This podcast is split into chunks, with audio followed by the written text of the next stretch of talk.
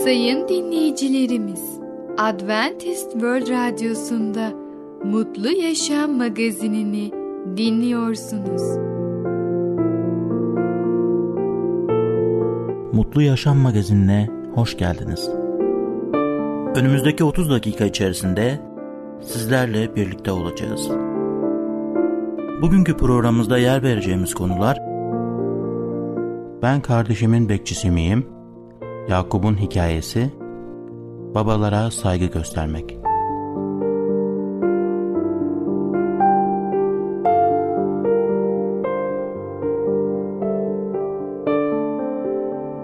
Adventist World Radyosu'nu dinliyorsunuz. Sizi seven ve düşünen radyo kanalı. Sayın dinleyicilerimiz, bizlere ulaşmak isterseniz e-mail adresimiz radio.umutv.org radio.umutv.org Bizlere WhatsApp yoluyla da ulaşabilirsiniz. WhatsApp numaramız 00961 357 997 867 06 00961 357 997 867 06 Merhaba değerli dinleyicimiz. Ben Tamer. Bereket Dağı'ndan Düşünceler adlı programa hoş geldiniz. Bugün sizlere ben kardeşimin bekçisi miyim hakkında konuşacağız. İlk önce Romalılar 14. bölüm 7. ayeti okumak istiyorum. Hiçbirimiz kendimiz için yaşamayız. Diğer insanlar için Tanrı'ya karşı ruhsal bir sorumluluk taşıdığınızı hiç fark ettiniz mi? Örneğin Tanrı'dan herhangi bir şekilde dönersem çevremdeki herkes bunun sonucu olarak ortaya çıkacak ıstırabı çeker. Tanrı bizi Mesih İsa'da birlikte oturttu. Bir üye acı çekerse bütün üyeler birlikte acı çeker. Fiziksel bencilliğe, zihinsel ilgisizliğe, ahlaki duygusuzluğa ve ruhsal zayıflığa izin verirseniz sizinle ilişkisi olan herkes acı çekecektir. Fakat böylesine yüksek bir standardı kim yaşamaya yeterlidir diye sorabilirsiniz. Bizi yeterli kılan Tanrı'dır diyor 2. Korintiler 3.5'te. Yani yalnızca yüce yaratan, yalnızca Tanrı bizi bu şekilde yaşamımıza yardımcı eder. Benim tanıklarım olacaksınız diyor Elçiler İşleri 1.8'de. Kaçımız sinir sistemimizin ve zihnimizin tüm enerjisini, ahlaki ve ruhsal enerjimizi İsa Mesih için harcamak istiyoruz. Tanık sözcüğünü kullanırken Tanrı'nın anlatmak istediği budur. Ama bu zaman ister. Bu yüzden kendinize sabır gösterin. Tanrı neden bizi yeryüzüne koydu? Sadece kurtulalım ve kutsallaştıralım diye mi? Hayır, hayır. Ona hizmet edelim diye. Onun uğruna bölünmüş ekmek ve dökülmüş şarap olmayı istiyor muyum? Sadece ve sadece tek bir amaç Rab İsa Mesih'e öğrenci yetiştirmek üzere çalışma amacı dışında bu kuşak ve bu hayat için başka bir değerim olmamasına razı mıyım?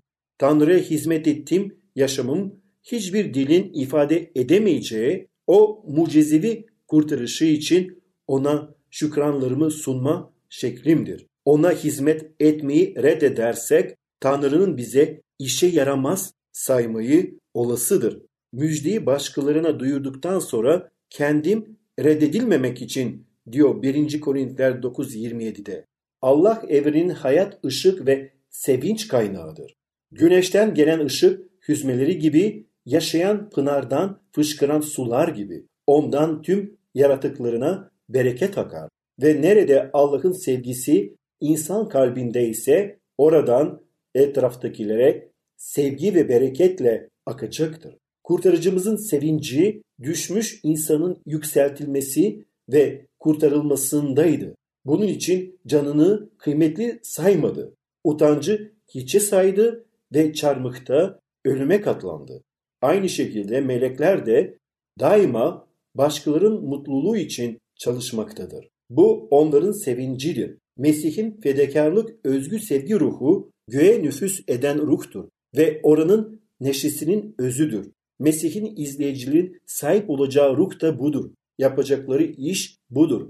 Mesih'in sevgisi kalpte kutsal olarak kabul edildiğinde tatlı bir koku gibi saklanamaz. Kutsal etkisi temas ettiğimiz herkes tarafından hissedilir. Kalpteki Mesih'in ruhu çölde pınar gibidir.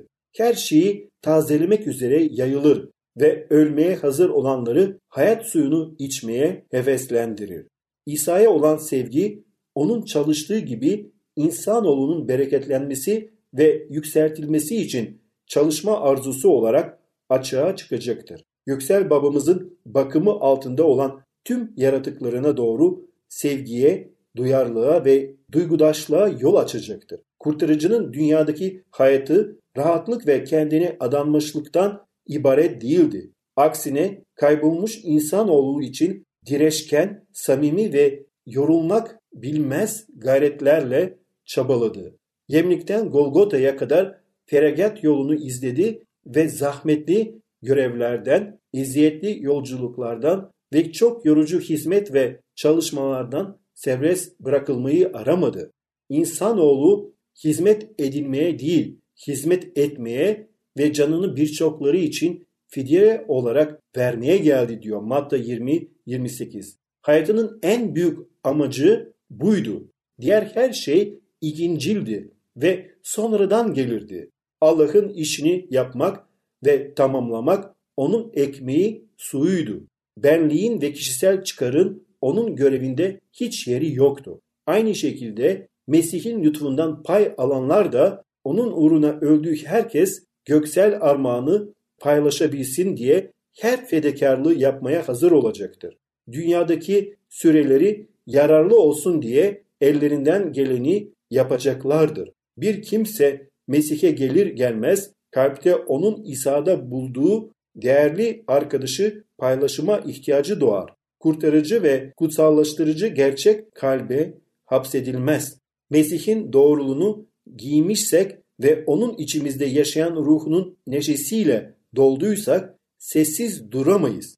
Rabbin iyiliğini tadıp görmüşsek söyleyeceğimiz bir şey vardır. İnsanlara Efendimiz İsa Mesih'i tabii ki anlatırız. Onlara sevgi dolu Allah'ı kutsal kitaptan paylaşırız. Onlara o güzel karakterini anlatırız. Bizi nasıl sonsuz bir sevgiyle sevdiğini ve bizim için her şeyi yaptığını, bizim mutlu bir hayata sahip olmamız için o her şeyi yaptığını ve şimdiden bizi onun ruhsal egemenliğinin birer vatandaşları yapmak istediğini ve bize soylu bir gelecek vaat ettiğini biliyoruz. Çünkü Rab insanları sonsuz bir sevgiyle seviyor ve her insanın kurtulmasını istiyor. Efendimiz İsa Mesih tüm insanlar için geldi. Bu iyi haber her insanı ilgilendirir. Herkes kendi hayatı için özgürce seçim hakkına sahiptir. Ve benim temennim tabii ki Yüce Allah'ı seçsinler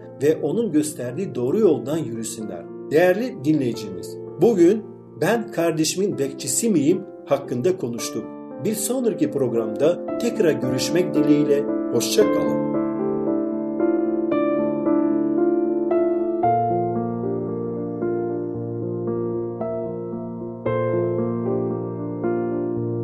Adventist World Radyosu'nu dinliyorsunuz.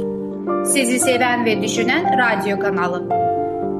Sayın dinleyicilerimiz, bizlere ulaşmak isterseniz e-mail adresimiz radio.umutv.org radio.umutv.org Bizlere WhatsApp yoluyla da ulaşabilirsiniz. WhatsApp numaramız 00961 357 997 867 06 00961 357 997 867 06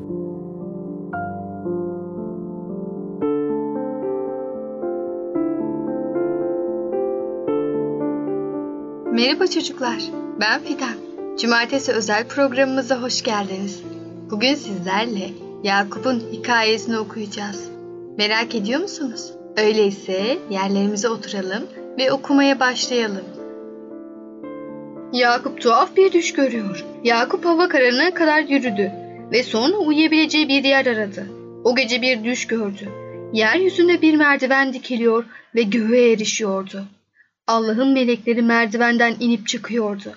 Allah yanı başında durdu ve şöyle dedi. Atan İbrahim'in, İshak'ın ve Allah'ı Rab benim.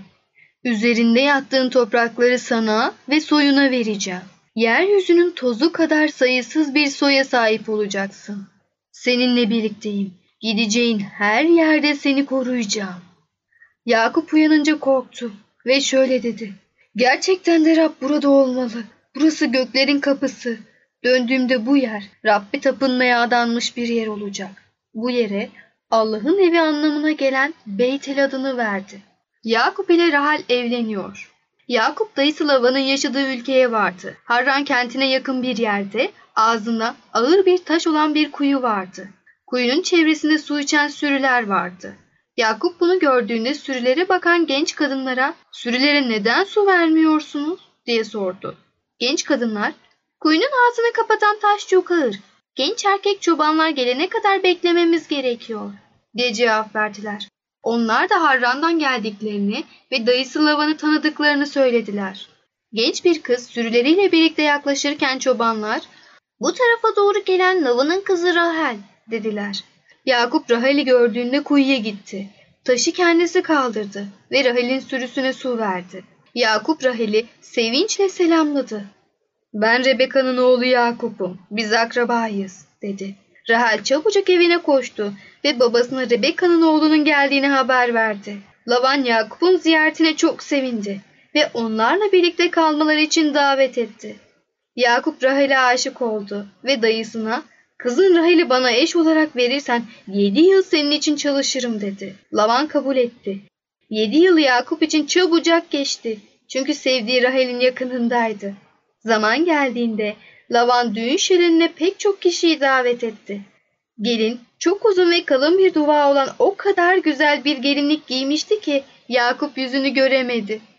Ertesi sabah Yakup gelinin Rahel değil Lea olduğunu gördü. Çok öfkelendi ve Lavan'a senin için yedi yıl boyunca Rahel'le evlenebilmek için çalıştım. Beni niçin aldattın dedi. Lavan şöyle cevap verdi. Bizim buralarda küçük kızı önce evlendirmek adet değildir. Rahel'le de evlenebilirsin. Ama benim için yedi yıl daha çalışman gerekecek. Böylece Yakup Lavan'ın söylediğini yaptı. Rahel'le evlendi ve Lavan için yedi yıl daha çalıştı. Lea'nın birçok çocuğu oldu. Rahel yıllarca çocuğu olmadığı için üzüldü. Sonunda Rab ona adını Yusuf koyduğu bir çocuk verdi. Yakup Lavan'ın yanından ayrılıyor. Yakup Lavan için uzun bir süre çalıştı. Yakup yaptığı her işte başarılı olduğu için Lavan çok zengin oldu. Yakup sürülerle ilgilendiğinde güçlü ve sağlıklı bir şekilde yetişen birçok yavruları oldu. Yakup'un kendi sürüsü de vardı. Yeni doğan hayvanlardan kara ve beyaz olanları Lavan'ın alması, benekli olanları ise Yakup'un alması için aralarında anlaştılar. Bu şekilde Yakup da zengin oldu. Bir süre sonra Lavan ve çocukları zengin olduğu için Yakup'u çok kıskandılar. Öfkeyle Yakup'un elindekiler aslında bizim, bizden aldı dediler. Yakup bu nedenle gizlice Lavan'ın yanından ayrılmak zorunda kaldı. Lea ile Rahel'i ve çocukları develerine bindirdi. Sürülerini ve sahip olduğu her şeyi alıp memleketi olan Kenan'a gitmek üzere yola çıktı. Lavan üç gün sonra Yakup ve ailesinin oradan ayrıldığını öğrendi. Çabucak onların peşinden gidip yetişti. Yakup'a şöyle dedi. Neden kızlarımı ve torunlarımı benden kaçırıyorsun? Yakup, neden bana hırsızmışım gibi davranıyorsun? Senin için 20 yıl çalıştım. Sayende zengin oldun. Allah bana yardım etmeseydi bugün hala yoksul olurdum, dedi. Allah Van, gece Allah'ın kendisine bir düşte gördüğünü ve dikkatli ol, Yakup'a zarar verme dediğini hatırladı. Lavan şöyle dedi, tartışmayalım, anlaşalım. Lavan ve Yakup aralarında bir antlaşma yaptılar. Barış içinde olmak istiyoruz dediler. Sonra birlikte yiyip içtiler. Ertesi sabah Lavan kızlarını ve torunlarını öptü. Onları kutsadı, sonra evine geri döndü. Yakup Allah'la güreşiyor. O gece Yakup ve ailesi Yapbu kırmağına ulaştı. Kadınlara ve çocuklara bütün eşyalarla birlikte karşıya geçmeleri için yardım ettikten sonra Yakup arkada kaldı. Sonra bir adam geldi ve bütün gece Yakup'la güreşti ama onu yenemedi. Sabah olduğunda adam Yakup'un uyluk kemiğine vurdu ve kemiği çıktı. Adam dedi ki bırak beni ben gideyim günah arıyor. Fakat Yakup beni kutsamadıkça seni bırakmam dedi. Sonra adam sordu adın ne? Yakup diye cevap verdi. Adam adın artık Yakup değil İsrail olacak dedi. Çünkü Allah ve insanla güreştin ve sen kazandın. İki kardeş barışıyor. Esav'ın yanında 400 adam vardı. Yakup onu gördüğünde hizmetkarlarını çocuklarıyla birlikte en öne, Lea'yı çocuklarıyla birlikte arkaya, Rahel ve Yusuf'u da en arkaya yerleştirdi. Yakup ona geçti ve abisine yaklaşmadan önce yedi kez karşısında yere eğildi.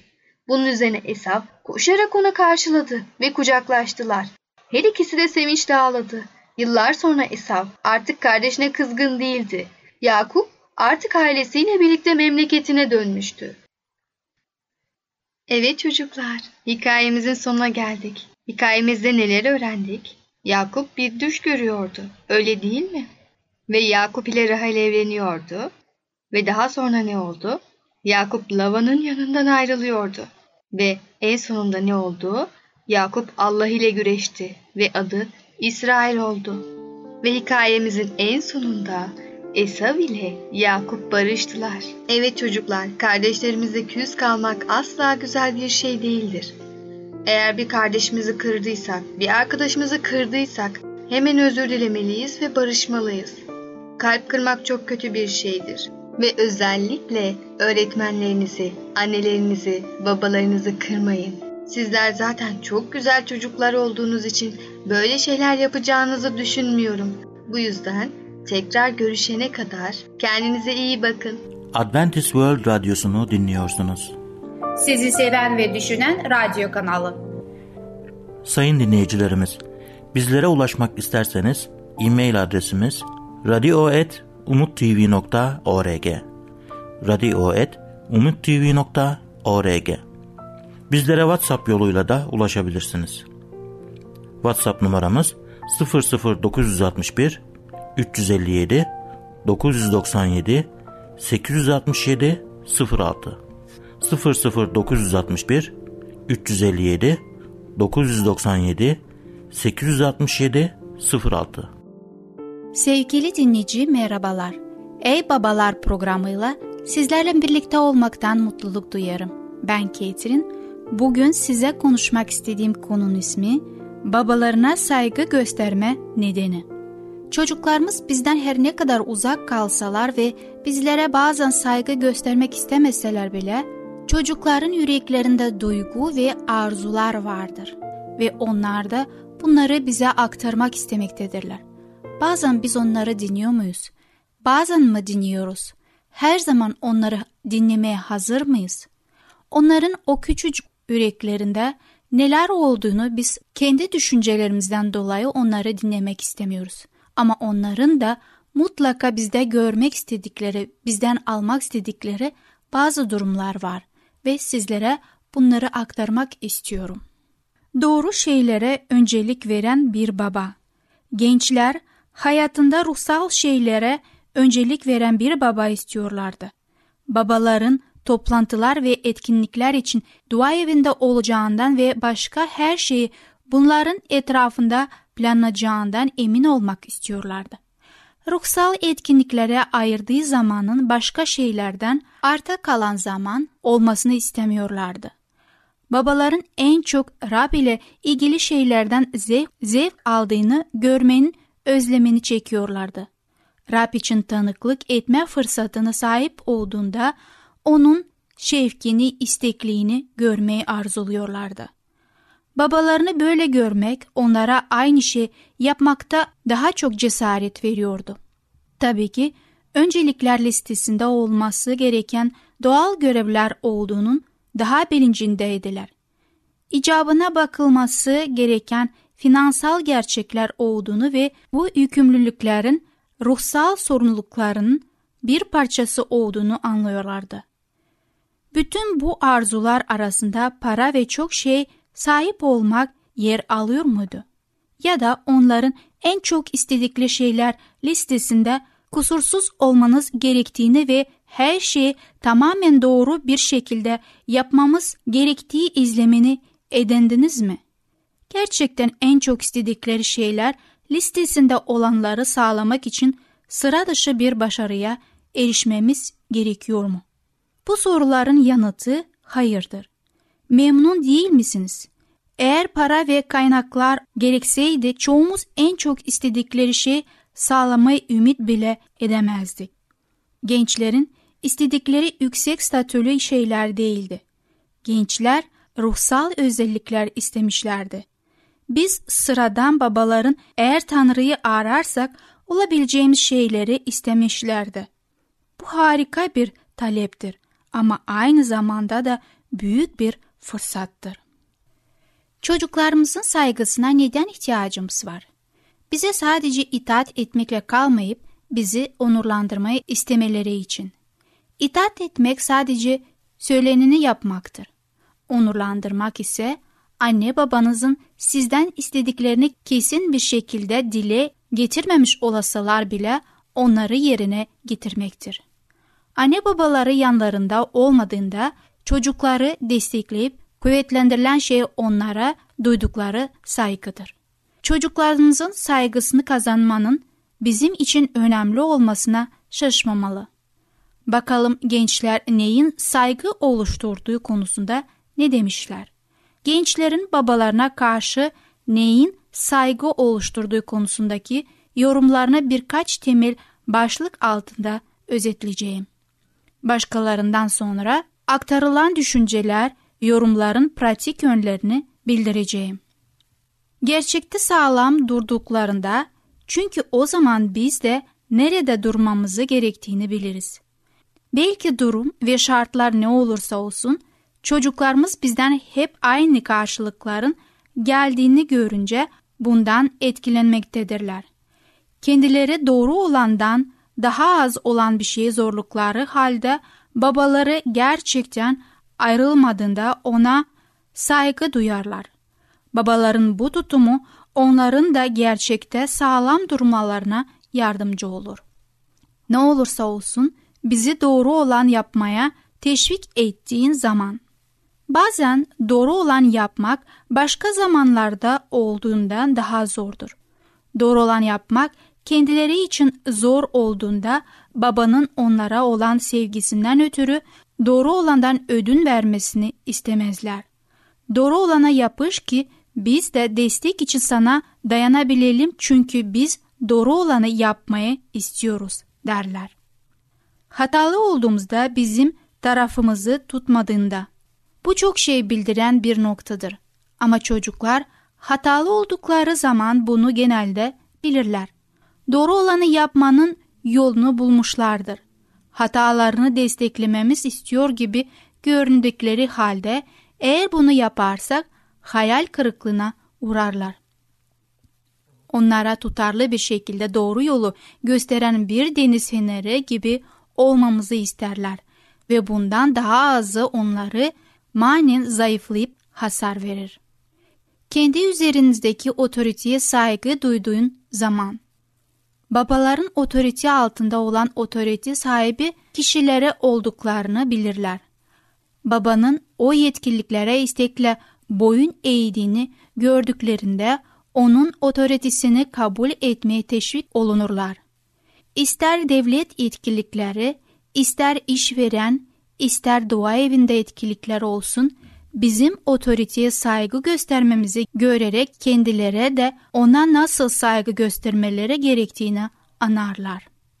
Ruh hallerini kontrol altında tuttuğun zaman bir şeyi bir gün yapmamıza izin verip ertesi günü yapmamıza izin vermezlik yapma.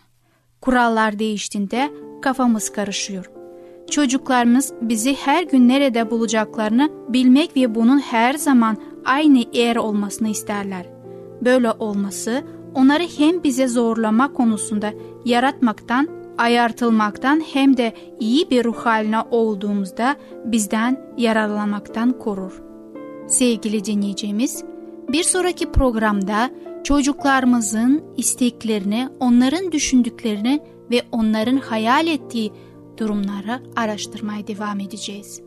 Babalarına saygı göstermesine neden adlı konumuzu dinlediniz. Bir sonraki programda görüşmek dileğiyle. Hoşça kalın. Adventist World Radyosu'nu dinliyorsunuz. Sizi seven ve düşünen radyo kanalı. Sayın dinleyicilerimiz, bizlere ulaşmak isterseniz e-mail adresimiz radio.umutv.org radio.umutv.org Bizlere WhatsApp yoluyla da ulaşabilirsiniz.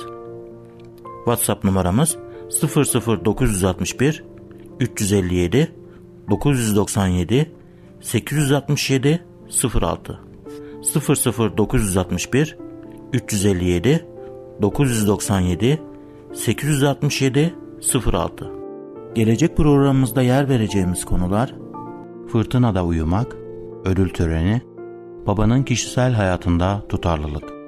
Mutlu Yaşam Magazini adlı programımızı her cumartesi aynı saatte dinleyebilirsiniz. Bir programımızın daha sonuna geldik. Bir dahaki programda görüşmek üzere, hoşçakalın.